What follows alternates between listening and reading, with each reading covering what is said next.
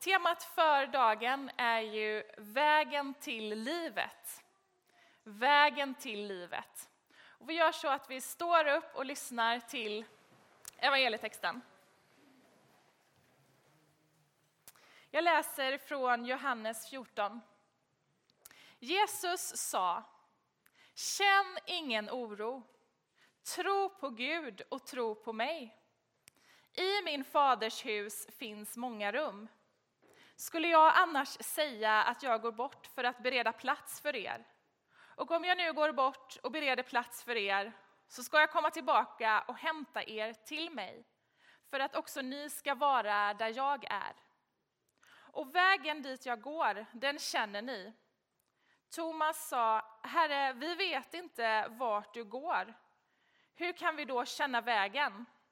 Jesus svarade, jag är vägen, sanningen och livet. Ingen kommer till Fadern utom genom mig. Amen. Varsågoda och sitt.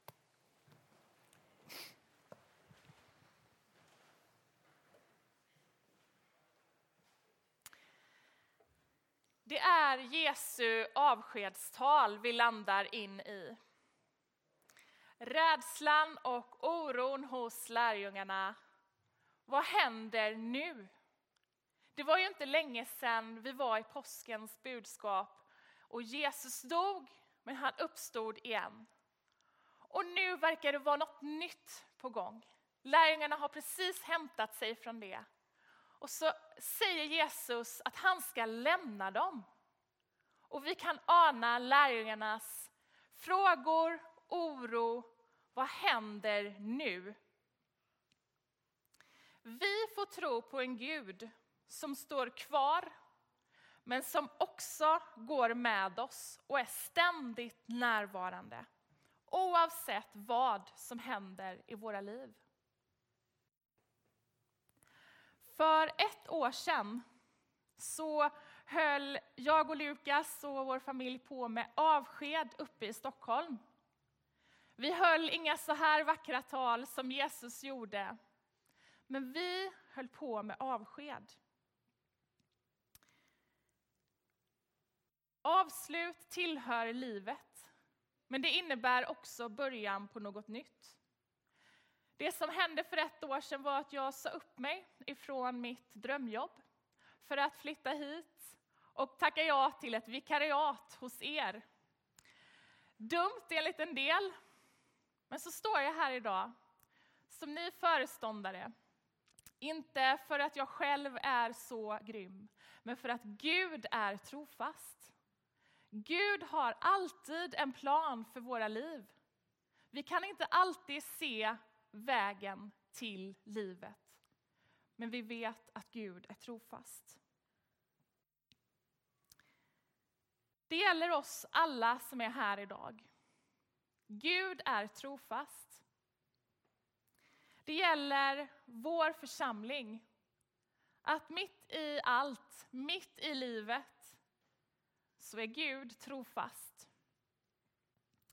Jag tänker att dagens text, den som jag just läste, den sammanfattar vår kristna tro ganska bra. Den sammanfattar våra liv, och det är tre saker som jag skulle vilja säga till er idag utifrån den. Och det är också tre saker som jag skulle vilja att vi som församling sa till vår stad, till Växjöborna. Och det första det är det som, som texten inleds med. Känn ingen oro. Känn ingen oro. Det är en del av att vara människa, att känna oro. Hur ska det bli? Hur ska det gå? Men så ofta inleder Gud mötet med oss människor med just den här raden. Känn ingen oro. Jag tänker på Maria när hon fick veta att hon skulle föda Guds son. Vad är det ängeln börjar med att säga? Jo, var inte rädd, känn ingen oro. Och så är vi idag med lärjungarna. Det ska hända någonting nytt, det är uppbrott på gång. Och igen så kommer de här orden. Känn ingen oro. När jag i veckan ringde och frågade vad som är Växjö kommuns största utmaningar in i framtiden så sa de två saker. Den ena saken får ni höra nu och den andra om en stund. Men den största utmaningen, vet ni vad det var? Psykisk ohälsa växer. Hälften av unga i vår kommun, mellan 16 och 24 år, lider av oro, ångest och ängslighet. Och i samma linje så visade Uppdrag granskning ett program för några veckor sedan om just psykisk ohälsa. Hur samhället inte räcker till. Var det någon av er som såg det programmet? Inte någon! Nej, men det är ett tips. Jag tror att det ligger kvar. Man kan kolla på det. är väldigt sevärt. Ja, nu fick ni ett litet tips. Det trodde ni inte. Ett tv-tips mitt i predikan. Men det var i alla fall sevärt. Och när det här Uppdrag granskning har tagit reda på ja, hur tufft det är att just lida av psykisk ohälsa idag. Mitt i alla hopplösa människoöden, livsberättelser, så händer någonting. En person vid namn Sebastian, ähm, glömde jag vad han hette bara för det. Ja, tack för det. Sebastian Staxet kliver in i tv-programmet, men framförallt i människors liv och berättar om sin egen resa.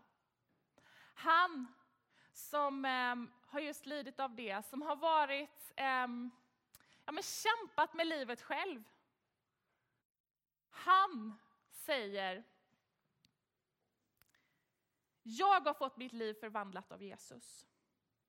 Och mer kärlek, solidaritet och medmänsklighet. Vi som tror på Jesus, vi kan förändra mycket. Slut citat. Det var han som klev in i programmet och visade på hopp.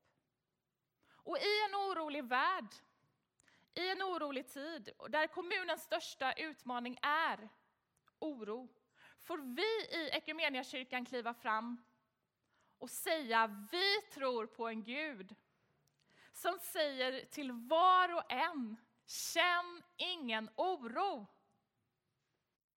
Och vi vill fortsätta vara en kyrka där liv får förvandlas. Våra liv, Växjöbornas liv, människors liv. Och kanske är du här idag som just känner hopplöshet och oro. Och då är de här orden till dig idag. Känn ingen oro. Det andra som jag vill stanna upp inför, det är raden, versen i min faders hus finns många rum. I min faders hus finns många rum. Vi alla får plats här, i vår faders hus. När vi får plats som de vi är, då leder det till liv. Mångfalden i att vår faders hus, Equmeniakyrkan Växjö, har många rum innebär att vi alla får plats. Jag tänker både på de fysiska rummen som vi har här i vår kyrka. Det här gudstjänstrummet, köket, scoutlyorna. Olika rum för olika typer av mötesplatser som alla behövs. Och vi får använda vår kyrka, den här mötesplatsen, till att vara med och förvandla liv. Jag tänkte nämna två verksamheter som vi gör där liv blir förvandlade. Två många verksamheter i vår församling. Den första är alfa och betakurserna som vi har på måndagarna på farsi. Jag står inte för just språkdelen, men jag är med och undervisar. Och på påskdagen så döpte sig sex personer som har gått den här kursen sista halvåret och är nu med i vår församling. De har fått sina liv förvandlade och har gjort rum i sina hjärtan för tron på Jesus. Den andra det är angeläget, som jag nu ska få kliva in och vara med på som min nya roll som föreståndare.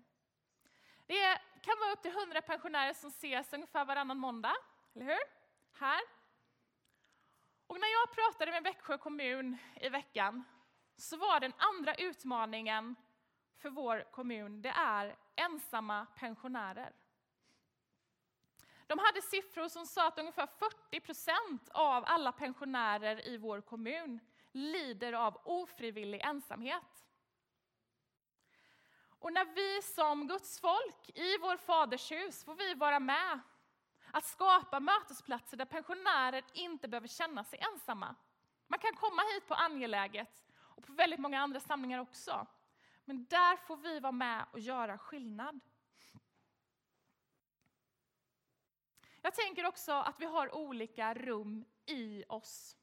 Vi som är här idag. Gud har skapat olika rum i, i oss. Och vi får vara med och skapa liv i de här rummen. När vi firar gudstjänst, när vi ber för varandra. Jag tänker på mig själv. Att jag är ju både småbarnsmamma, prästfru, jag är föreståndare, evangelist, men jag är också engagerad, trött, tacksam, besviken. Ni vet, allt det där som vi är. Och det finns rum för allt det i mig, precis som det gör i er. Men så tänker jag att när vi möts så här så får vi hjälpa varandra att leva, att vara människor. Och då handlar det ganska mycket om att vi möts i alla de där rollerna eller de rummen som vi har i oss. Jag hoppas såklart att jag ska vara en engagerad föreståndare de allra flesta dagarna. Men jag kommer också att vara en trött småbarnsmamma. Och när vi möts som människor, det är då, när vi är ärliga och transparenta, som liv uppstår. Och det kan vi bara göra tillsammans. Du får komma med hela ditt liv här idag. Det får vi alltid göra när vi möts. Den sista versen, och kanske grunden för att vi är här idag, det är när Jesus säger Jag är vägen, sanningen och livet. Jag är vägen, sanningen och livet. Att vi som är Equmeniakyrkan Växjö, att vi är tydliga med vad vi tror på. Att i mötet med Jesus så tror vi att vi blir mer levande och mer mänskliga. Jesus han mötte alltid människor där de var. Jag tänker på tullindrivaren Sackaios. Det var ingen som ville vara vän med honom. Men Jesus, vet ni vad han säger till Sackaios? Idag vill jag gästa ditt hus. Så tänker jag på äktenskapsbryterskan som hade gjort fel i sitt liv. Alla andra ville stena henne. Men vad säger Jesus? Du är förlåten. Du är förlåten. Det här uppdraget, att möta människor där de är i livet, det uppdraget har Jesus gett vidare till dig och mig, till oss som församling. Men precis som Jesus var tydlig så behöver vi vara tydliga med vad vi tror på. Att vi tror att Jesus är enda vägen till livet, livet här och nu, men också livet efter detta. Till sist, Vägen till livet, livsvägen. Vi vet så lite om den. Det vi vet är att Gud är trofast. Jag tänker på den grupp troende som samlades här i Växjö hemma hos Lotta Modig i mitten på 1800-talet. Det som var starten på den församling vi är idag. Och jag tänker på när ni flyttade kyrkan just hit 1973. Och så tänker jag på min pappa som är här idag. När du var ordförande i dåvarande SMU på, i slutet av 70-talet. Tänk vad mycket den här församlingen har varit med om. Men så lite vi vet om vägen framåt. Men vi vet att Gud är trofast. Jesus vill möta oss idag, här i gudstjänsten, där vi är med våra liv och behov just idag. Han vill möta dig som känner att du kanske är orolig inför framtiden. När livet inte blev som du tänkt dig. Då vill han säga till dig, jag lovat att vara med alla dagar. Han vill välsigna vår församling och att vi ska få fortsätta att vara det fadershus, den fader som människor i Växjö behöver få, få möta. Nu ska vi öppna upp böneplatsen och vi ska få lovsjunga och be tillsammans. Och vi ska få ta emot det som vi behöver för våra liv just idag. Per Alfredsson kommer stå här framme med oljeflaskan och göra ett korstecken över ditt liv. Om du känner att du idag behöver bli påmind om att Gud är trofast. Du kan få tända ett böneljus för något du bär på som du vill ge till Gud idag. Och vill du ha personlig förbön så finns vi där nere och vill lägga händerna på dig och be med dig. Så jag ber en kort bön och sen går vi över och lovsjunger och ber. Herre, tack för att du är här och du vill alltid möta oss där vi är i livet. Och nu kommer vi till dig med det som är våra liv idag. Och jag ber att vi skulle få känna att du tar emot oss, att du rör vid våra liv, att du ger oss hopp, att du ger oss kraft, att du ger oss glädje, att du ger oss det vi behöver just precis idag. Välsigna oss var och en som är här idag, i Faderns hus, i ditt hus. I Jesu namn. Amen.